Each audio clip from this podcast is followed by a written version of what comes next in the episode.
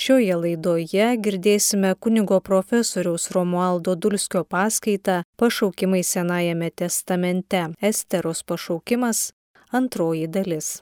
Esteros knyga tai biblinis tekstas, kuriame galime pasakyti Biblija pranoksta pati save.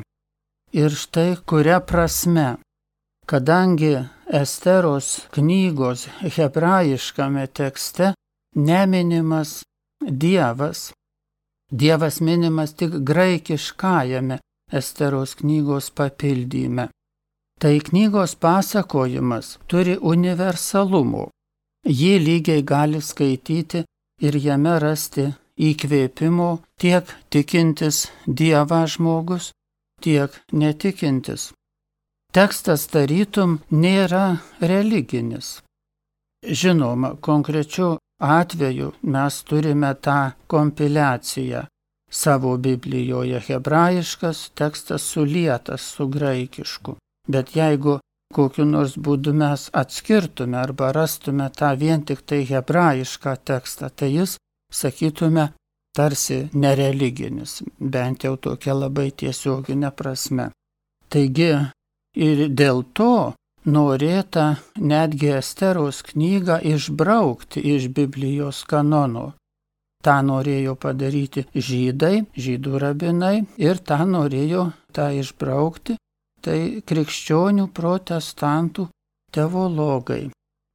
Vis dėlto knyga įtaigiai prabyla į skaitytoją ir skatina praplėsti dvasios akiratį, perkainuoti bet kokią pasaulyje žiūrą, sakytume, kadangi ji jokios tokios religinės pasaulyje žiūros specifinės nepateikia, tai bet kokios pasaulyje žiūros žmogus gali ją skaityti ir rasti įkvėpimo, kaip atsiverti gyvenimo slėpiniui. Gyvenimas parodomas Esteros knygoje kaip toks neišmatuojamas kurį gali vis atrasti kitus jo gyvenimo matmenis, kitus paties savęs matmenis, savo asmenybės, savo pašaukimo matmenis. Taigi, Esteros knygos pasaulyje vaizdis, sakytume, nesileidžia spraudžiamas į dogmatiškus ar konfesinius rėmus. Ir todėl ši knyga moko tikro santykio su mūsų pančiu pasauliu, pačių pamatinių dalykų - autentiškos pašaukimo sampratos, atsakingo socialinio angažavimosi.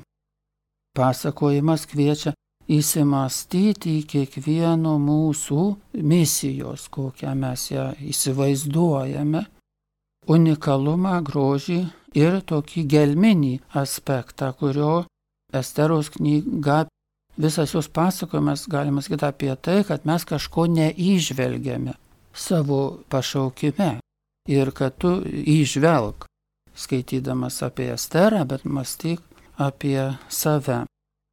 Ir kartu įžvelgti kažkokias ar gelmes, ar kitus matmenis, nepastebėtus, kurių niekas mums nepasako, galbūt taip pat, bet jie yra pašaukimo matmenis ir kartu misijos matmenis, ką mes, kaip mes reiškiamės šiame pasaulyje. Esteros gyvenime labai ryški įprasta požiūrį pranokstanti motivacija. Tokia nuostata, kai širdį ir protą atveriam kažkam daugiau negu mums įprasta. Buvo lygi šiol. Tam tikra, sakytume, tam tikras susidūrimas įvyksta įprasto pašaukimo, šabloniško, trafaretiško, koks jis bebūtų kaip mes, ar pasauliečiai, ar nepasauliečiai, suvokiame savo pašaukimą. Dažnai pagal tokį šabloną. Ir iš tikro, Esteros knyga sako, kad tas šablonas yra tik tokia gana paviršutinė forma ir toje formoje turi atsiverti kokie tai nepastebėti likščiol aspektai. Ir būtent juose yra žmogaus pašaukimo esmė, būtent juose atsiskleidžia tikrasis pašaukimas. Kaip Esteroje, jos visas įdomumas apie ją skaityti ne dėl to, kad ji buvo karalienė, bet dėl to, kad ji gavo tą iš to savo giminaičio įkvėpimą, paraginimą, kad tu imkis tokios misijos. Kartais ta išorinė forma, ji iš tikrųjų tik sudaro prielaidas pastebėti, įžvelgti tai, kas glūdi žmogaus pašaukimo arba misijos esmėje, kam tu iš tikrųjų esi pašauktas ar kokia tavo iš tikrųjų yra ta misija. Taigi pirminė knygos forma tokia buvo hebrajiška, ta intriga buvo, kad Dievas neminimas, o Biblijos knyga. Nu ir vėlesnis redaktorius, tikintis žydas, jisai ją, sakytume, pakoregavo, pataisė pagal savo supratimą, tokį priimtinesnį variantą.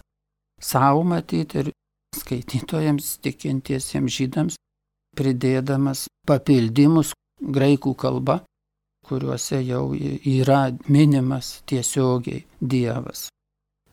Esteros kokius bruožus galime matyti, kokias kliūtis. Pirma, kad jį įveikia kliūtis, kad mums gyvenime visuomet yra kliūčių. Kliūčių, kurias turime įveikti.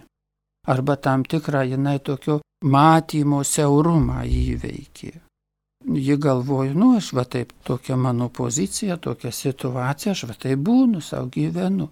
Ir tas visiems žmonėms būdinga, mes taip suprantam, taip galvojam, net šventųjų gyvenimuose tą skaitome, kad va taip žmogus mąstė, taip matė, bet paskui atsivėrė, tas kažkas atsivėrė, žmogui tokios panoramos ir jau prasiplėtė jo supratimas apie save visų pirma, sakykime, apie save, apie pasaulį, apie Dievo skirtą jam užduoti. Estera įveikė savo baimės, kur mes turim tokias galbūt matomas baimės ir kartais net pažintas baimės, turbūt labai daug tokių turime, nes mums vyrams tai tikrai kažkoks tai Lietuvoje, žinai, pasakyti, kad aš ko nors bijau, turbūt ar ne. Nu gal jaunoji karta tokia jau subtiliau save supranta. Tarsi pasakyti savo, pasakyti kitiems, kad aš ko nors bijau, tai čia kažkas nenormalu, Bet iš tikrųjų reiškia, tada žmogus blokuoja, neatpažįsta tų baimių, kurios kiekviename žmoguje jos yra, mūsų prigimtis trapi. Tu gali įveikti baimės, štai kas, bet negali jų nejausti. Gali nesielgti taip, kaip baimė diktuoja, bet negali nebijoti grėsmių, pavyzdžiui, akivaizdoje. Tai va ir Estera ji galėjo sureikšminti savo tokią tą formalią pašaukimo padėtį, formalų į tokį aspektą, aš karalienė, karalienė, karjera, sėkmė. Reikėjo jai pranokti tokį požiūrį į save.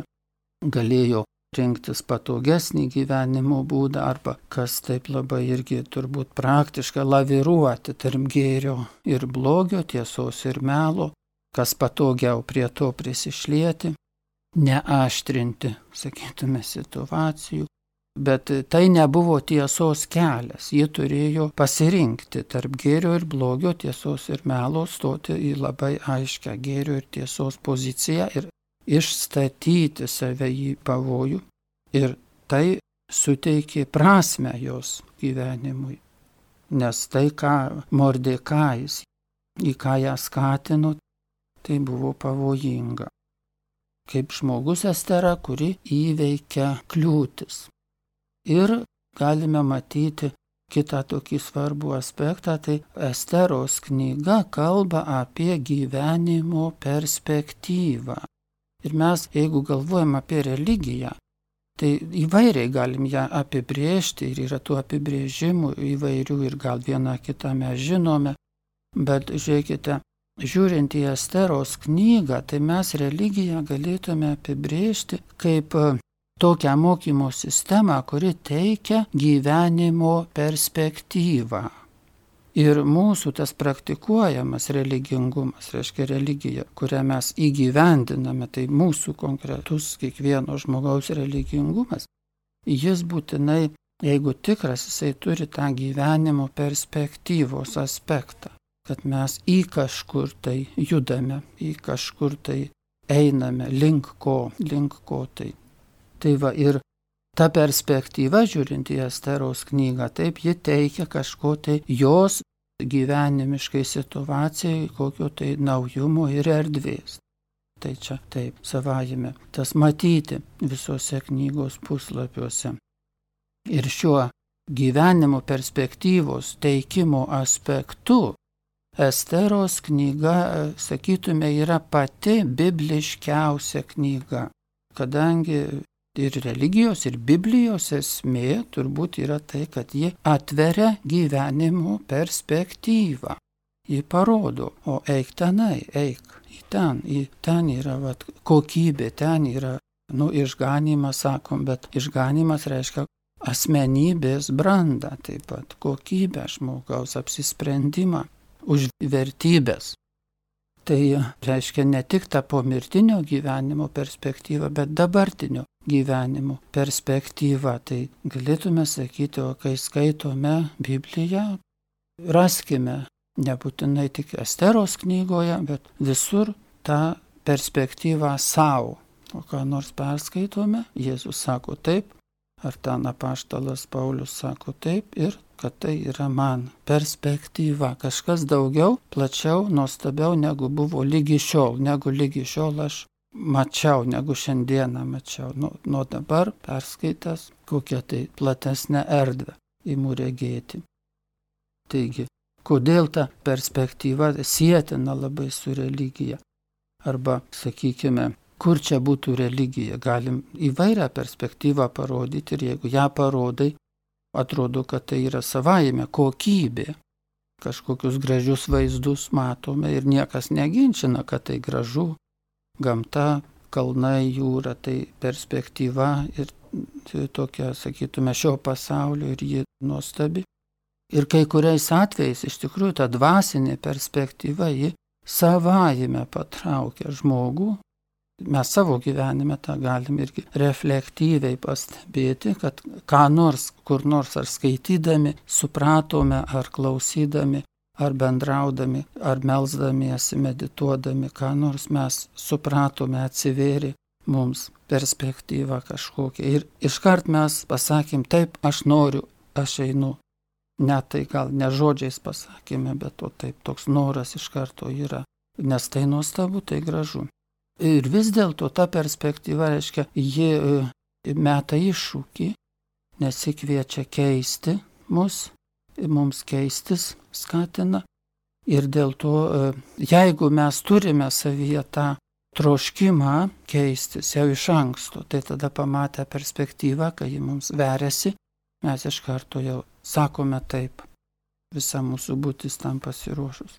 Bet jeigu mes nesame tam pasiruošę, ką irgi galim savy pastebėti arba kokiuose nors biografijose, kai žmogus išsigasta ir sako, o čia kažkas, o čia ne, nežinau, ne, gal ne. Dėl to, kad ši dieviškoji tokia perspektyva, nu kartu žmogiškoji perspektyva mūsų gyvenimo, ji kviečia tokiam kokybiniam šuoliui, galėtume pasakyti. Ir jeigu nesame pasirengę tam kokybiniam šuoliui, ką tai pakeisti, mes sustojame ir galime visai nusigręžti ir galime supykti, net būti nepatenkinti ir pasilikti ten, kur esame. Tai nėra savaiminis dalykas, kad išvykęs šią gyvenimo perspektyvą tu iš karto eisi link jos, nes štai kur tas atspirties taškas. Ar esi parengęs savo visą protą, širdį, valią, ar esi taip kažkaip tai tam tikrą prasme suvokęs galbūt savo būties tokį menkumą kažkokį tai, ar kenti dėl jo ir trokšti didesnių kokių tai erdvių savo gyvenime. Tai va, Todėl ir mūsų tas religingumas, kurį praktikuojame, jis toks dviejopas iš tikrųjų yra. Arba tas, kuris visavertiškai atsiveria tai perspektyvai, arba tas religingumas, kuris sumišęs su tokiu dvasiniu komfortu. Religija man e, taip moko gerų dalykų ir aš darau kažką tai, jos įkvėptas, bet, bet, bet pasilieku tokį, kad, vad, žinai, patogumą dar būtų man patogu. Ir čia prisideda manipuliavimas tikėjimo postulatais ir toks socialinis įsipatoginimas. Ir tada labai patogu taip būti tam religiniam pasauliu. Bet visur, kur tas patogumas, tai mes turėtume matyti tą esterą, kuri nenori sekti Mordekajo raginimu. Ir iš tikrųjų tas Mordekajo raginimas reiškia šventosios dvasios raginimą, kada religija suvokiama kaip bent dalinai atnešanti komfortą kokį nors dvasinį, aišku, turbūt socialinį, tai tuomet ji yra netikra. Tada tu esi toj senojoj esteros nuostatoj. Ir todėl tikra religija arba tikras religingumas visuomet turi šitą atvirumo aspektą. Ir nesvarbu, kad mūsų religingumas būtų koks tai, sakykime, dogmatiškai tikras. Bet jeigu jis panašus į tą senąjį Esteros, tokį savim patenkintą buvimą, tai jis nėra tikras tas religingumas, jisai nėra autentiškas. Nežiūrint, kad jis dogmatiškai, sakytume, būtume įsitikinę, kad čia viskas gerai, su tuo tikėjimu, kurį išpažįstame, viskas gerai, bet su mūsų praktiniu santykiu su Dievu ir su savimi tai nėra gerai arba turi būti tobulinama. Ir dabar mes einame į Esteros knygos pabaigą, kur randame irgi tokį intriguojantį pasakojimą, kaip žydai, kada jau jie nugalėjo, Estera įtikino karalių ir karalius nubaudė tuos, kurie persekioti norėjo žydus, tai tuomet žydai jie ėmė viršų ir jie nužudė daugelį savo priešų. Ir vat citata iš Esteros devintojo skyriaus. Vien Susos pilyje žydai užmušė iš viso 500 žmonių arba kitoje vietoje. Susoje gyvenantys žydai vėl susirinko ir Adaro mėnesio 14 dieną užmušė Susoje 300 žmonių toks intriguojantis, kažkaip netelpa į mūsų sąmonę. Tokie kerštas čia yra, reiškia, žydų.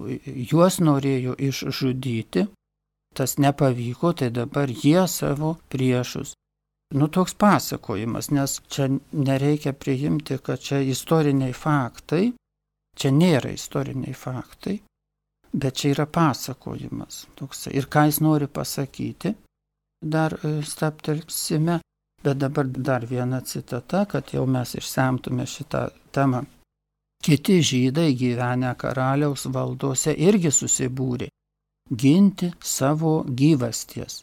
Ir apsigynė, užmuždami 75 tūkstančius jų nekenčiančių žmonių, bet plėšimu jie neužsijėmė. Tai skaičiai tokie įspūdingi, šokiruojantis, Bet pastebėta tas intarpas yra, kad žydai susibūrė ginti savo gyvastis. Čia didaktinis pasakojimas, čia, nu, graži tokia įspūdinga istorija, kuri pasibaigė žydų pergalę, kaip jie nugalėjo tuos blogiečius, juos nužudydami. Ir mūsų krikščioniškai šiandienos ausiai tas skamba šokiruojančiai, bet iš tikrųjų čia reikia suprasti tokią perkeltinę prasme viską ir turbūt mums verta pagalvoti apie mūsų dvasinius priešus, kuriuos reikia taip kažkaip nugalėti, nužudyti dvasinius priešus. Sakykime, nežinojimą arba nepažinimą. Ne tik apie tikėjimo dalykus, bet tų, tų galbūt giluminių dalykų. Toks neturėjimas kada, vat, paskaityti, pamastyti, pasimels neturėjimas kada ir jis sukuria tą nepažinimą. Arba tas santykis su Dievu toks paviršutinis, tokiam pradinės mokyklos, sakytume, vat lygyje. Tai vat yra mūsų priešas, mes patys subrendę žmonės o mūsų Dievo pažinimas toksai vaikiškas yra dažnai, arba nebrandus jaunuoliškas, toksai paaugliškas, o, o mes jau nebesame paaugliai. Kitas priešas, vad nematyti tos dvasinės perspektyvos. Jeigu mūsų religingumas taip pat gyvenu, gyvenu kažkaip ir nematau tos perspektyvos, ko man siekti, kur man eiti, tai tada irgi čia yra tavo priešas, kuris uždengia tavo akis, tai pateina su kažkokiu tai uždangalu, uždengia, tu nematai nieko. Ir va ta frazė, kurią 16-9 skyriaus eilutėje randame, kad žydai susirinko ginti savo gyvasties. Todėl jie tos priešus nugalėjo. Kai mes nugalime tuos savo dvasinius priešus, tai vardan to nugalime, kad mumise būtų tas dvasinis gyvastingumas. Ne tik koks tai religinis toks aspektas mūsų gyvenime, bet tikras dvasinis gyvastingumas dvasinis augimas, galime sakyti, arba bręstanti mūsų tapatybė, ginti gyvastis. Jeigu tai gyvas, gyvastingumas, gyvumas, tai reiškia, kad tu augi medis, o pavasaris dabar. Tuo visi gyvi medžiai, kurie nenudžiuvo, kaip nors neišplauti, kaip pat mūsų paupį tiek daug išplautų medžių dėl potvinio, su šaknimis išgriuvę, jau jie nebetęs savo augimo. Tai va, mes, kad nebūtume su išplautom šaknim, išplautais protais, kad nieko nebereikia aukti mums, mums reikia aukti tas asmenybės brandos procesas. Kad ginti gyvastį, tai ginti savo religinę gyvastį. Tokią žmogiškąją dvasinę gyvastį, tai reiškia, kad tu auk kaip dvasinis žmogus, auk apginti tą teisę aukti, tą galimybę aukti. Ir apie tai čia galėtume sakyti šitas pasakojimas apie žiaurumų. Nu, va, žiaurumas ir yra tam, kad supurtytų mus, kad mes nemiegotume, prabustume.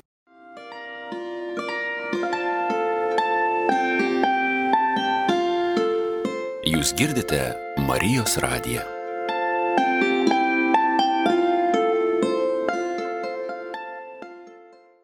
Mastant apie Esteros knygą, noriu vėl dar kitame savo tokiam kalbėjime su minėjęs Esterą arba Eti Hilesum, bet šiandieną dar šiek tiek norėčiau apie ją pridėti, nes atrodo, kad Esteros Hilesum, Olandų žydės, atradusios Dievą koncentracijos stovykloje, gyvenimas ar, ir jos mintys yra labai svarbios ir tokios kalbančios šiandieną, būtinos šiandieną. Ir taip pat galbūt va taip to karo Ukrainoje akistatoje ir gal nežinom, kaip tas karas ar liausis, ar, ar jis plėsis. Ir todėl turbūt dar labiau aktualu yra mums šiandieną kalbėti apie Dievą, ką jis veikia karo neteisybių arba šiuo atveju at, Esterhilesum atveju tai holokausto akivaizdoje. Ir yra žydų teologų, rabinų, dėstytojų, mokytojų, kurie yra, nu, apmastę, kalnus aprimastę po antrojo pasaulinio karo apie holokaustą, kur buvo Dievas, kai žydai buvo žudomi.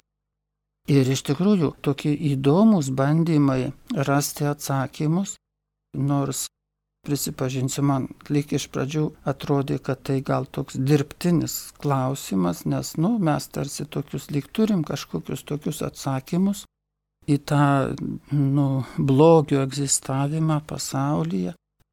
Pavyzdžiui, aš keletą paminėsiu iš žydų teologų išvalgų arba tokių bandymų, reiškia, išspręsti tą dilemą apie Dievo nedalyvavimą, sakykime, nusišalinimą, taip atrodytų tokį, kai vyko holokaustas. Vienas turbūt iš tų paprasčiausių atsakymų, ar mums tokių labiau artimų, tai yra, kad yra žmogaus laisva valia ir Dievas kaip Dievas, o žmogus yra laisvas ir dėl to, kad jis laisvas, jisai daro, ką nori. Aišku, vis tiek tas klausimas lieka neatsakytas, turbūt šitaip viską e, pozicionuojant. Nes atrodo kažkaip vis tiek keista, kad gerai žmogus turi laisvą valią, bet vis dėlto kažkaip keista, kad Dievas visiškai neapgina tų nekaltų vaikų, vaikų, kurie visiškai nekalti. Tai va, todėl kitas toksai bandymas atsakyti, Andrė Neheras, bet čia ir, ir Benediktas XVI apie tai yra e, kalbėjęs jau iš krikščioniškos perspektyvos, kad šoa arba holokausto akivaizdoje tiesiog mums nebelieka žodžių, nebėra ką sakyti, lieka tik tai nutilti, neapsakoma tyla. Žmogus nebeturi ką kalbėti, ypač na, nuvykęs turbūt į tas žudimų vietas, koncentracijos stovyklas, jisai būna tiek priblokštas. Arba girdėdamas apie tai, arba pas mus Lietuvoje, kur yra vietos, kur žydai nužudyti masinės kapavietės. Kas nebuvote, nuvykite, ką turėsit pasakyti tenai. Tai va, kiti dar žydų mąstytojai sako, kad teologija po Aušvico, taip jie įvardina, yra nu beveik negalima. Irgi panaši nuostata.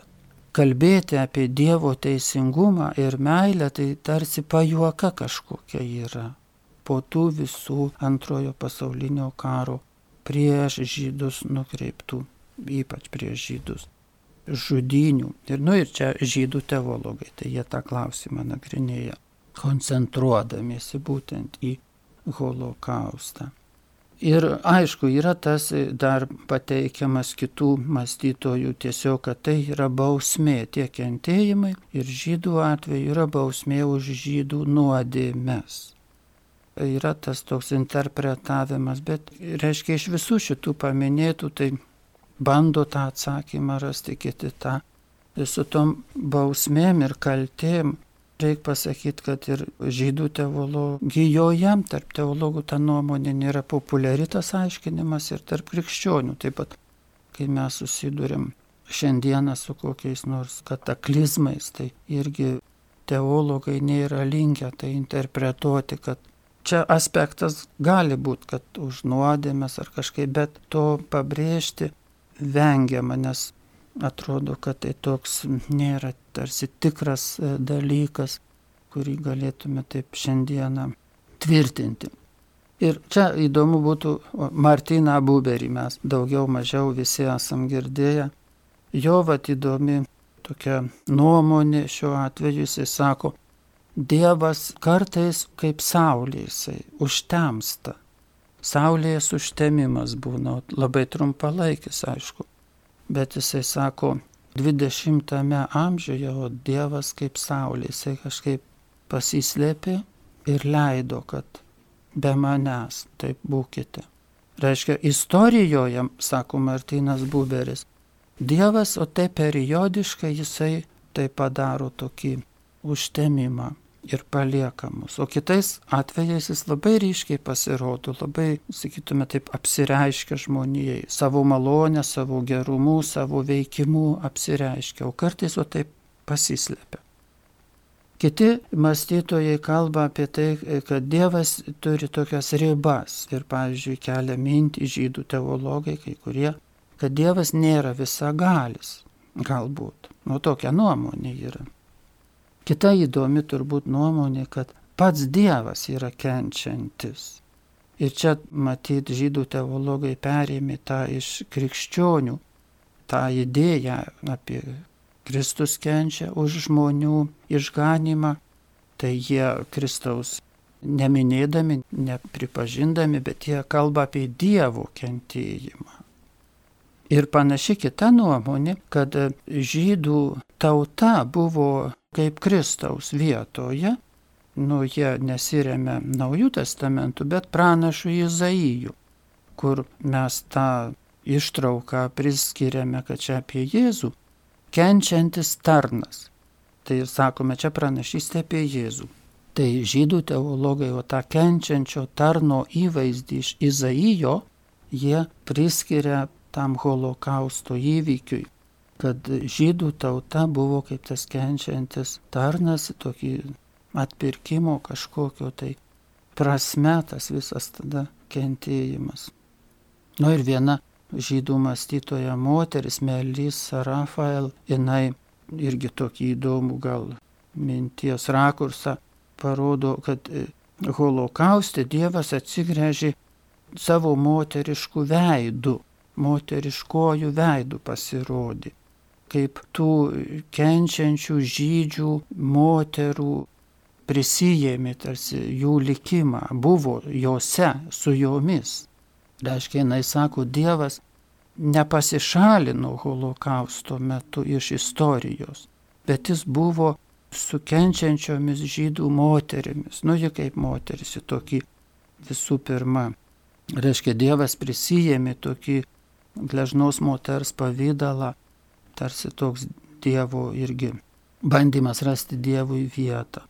Ir holokaustas, galėtume sakyti, yra kiekvienas karas turi savo žiaurumų ir tas, kas vyko antro pasaulinio karo metu, tai kitais pavydalais kartais ir nemažiau žiauresniais, gal mažesnėm apimtim vyksta kiekvieno turbūt karo metu, tiek jų buvę lokalinių karų, visur tie nežmoniškumai, jie atsiskleidžia ir, ir galime sakyti trumpesnių tokių laikų kur yra Dievas, kur yra Dievas, kai žūsta, nu ir penki vaikai, jeigu nu, nužudomi, arba, nu, nekalti žmonės nužudomi ar kankinami, nekaltas vienas žmogus, kur Dievas tada. Tas pats, problema ta pati iškyla. Ir dabar Ester arba Eti Hilesum, ji duoda irgi labai įdomų atsakymą, kad ji Reiškia, kai Dievas tarsi nepadeda, jinai sako, supratau, kad man aišku, kad kai tu negali mums padėti, mes tau turime padėti. Ir mes patys savo turime padėti.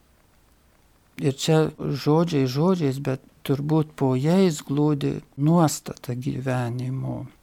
Ir tam tikras galbūt Dievo įvaizdis kitas kitas Dievo įvaizdis, kurį ne tik Ester Hilesum atskleidė, bet su ją matyt, čia ne jos vienos, turbūt ta tokia interpretacija, ta įžvalga, bet jie atstovauja daugybę žmonių, kurie gal su kokiais tai niuansais panašiai jauti, išgyveno ir lietuviai galbūt Sibirė, kurie buvo ištremti panašius galbūt atradimus, gal neužfiksavo, bet vad Hilesum yra užrašiusi savo dienoraštyje ir tai yra irgi, sakytume, teologija, tai yra mąstymas apie Dievą.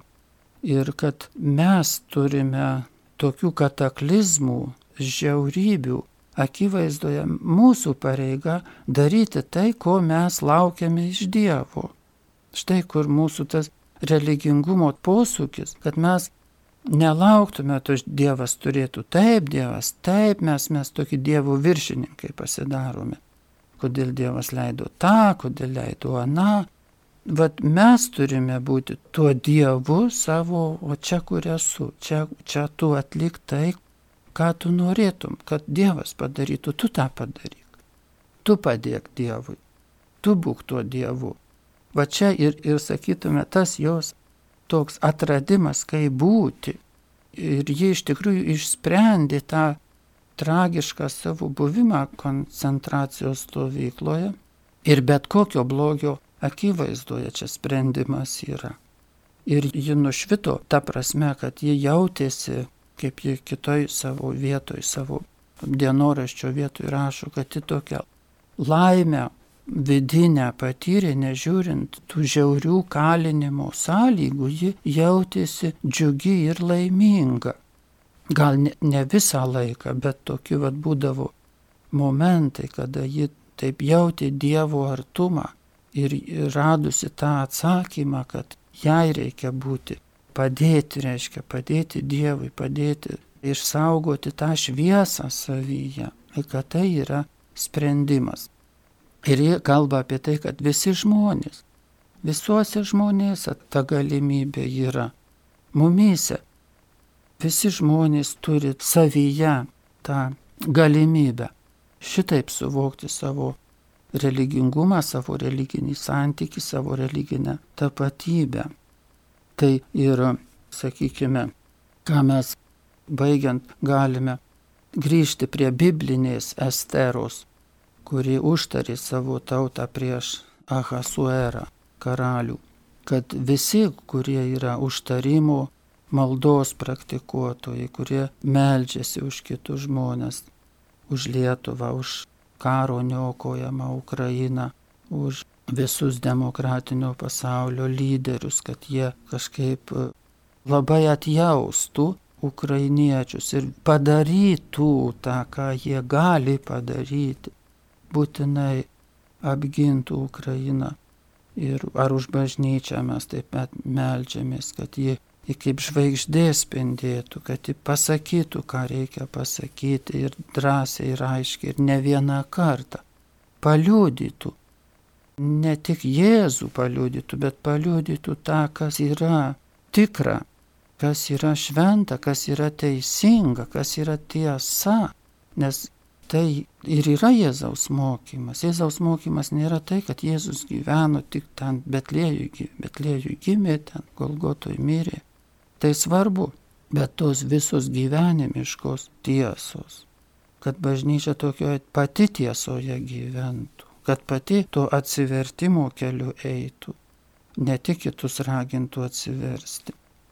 Tai kas už tai meldžiasi, tai sakytume, įgyvendina tą biblinės esteros tokį atvirumą tikroviai, tikrovės problemoms. Ir įdomus tas, kad jos vardo kilmė Estera yra iš to biblinės deivės vardo ištar. Deivė tokia buvo. Ir čia toks, sakytume, nu, žodžių žaismas, kad Estera reiškia tokį dieviškumą, jinai kaip deivė, ar tokia aluzija į tą.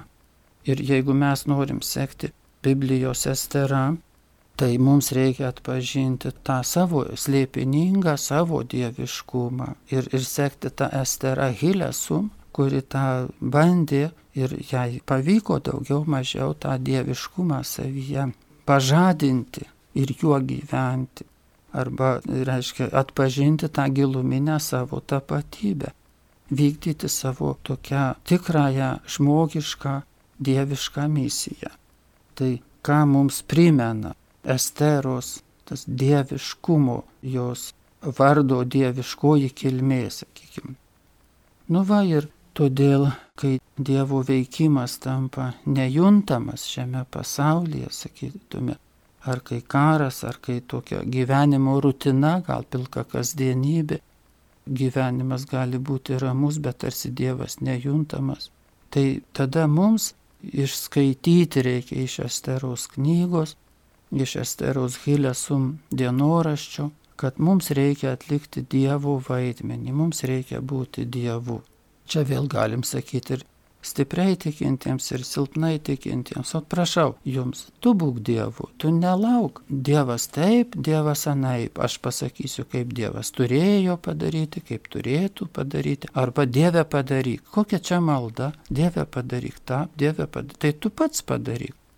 Aišku, malda labai svarbu, bet turbūt malda koncentruojasi į tai ne, kad mes nurodinėtume, ką Dievui padaryti. Nebent, kad tas padarimas, kad tu mane pakeisk, o ta tai taip, Dieve pakeisk mane. O čia tai tikrai, čia tai tikra malda. Malda, kurios centre, sakytum, tavo problema yra, kad mes tobulėtume, mes šventėtume, mes padarytume, ką turime padaryti o nesijimtume spręsti, ieškoti, kad Dievas už mus padarytų. Ir tada mums liūdyti tiesą ten, kur daug melo, liūdyti tiesą, ten, kur neteisybė, laikytis teisingumo, ten, kur piktavališkumas išsikerojas, būti geranoriškais, atpirkti blogį, iškenčiant atmetimą ignoravimą, niekinimą ar persekiojimą. ir galų gale liūdyti vertybės. Kadangi šiandien liūdyti Kristų, tai liūdyti vertybės. Labiausiai paliūdėjame Kristų, kuris yra tiesa, kada mes liūdėjame tikrasias vertybės, kada už jas pasisakome, jomis gyvename, jas išpažįstame ir tada tikrai esame mes Dievo tiesos liudytojai. Ir tai turbūt daugiausia, ką galime išskaityti, skaitydami biblinę Esteros knygą. Girdėjome kunigo profesoriaus Romualdo Dulskio paskaitą pašaukimai Senajame testamente Esteros pašaukimas antroji dalis.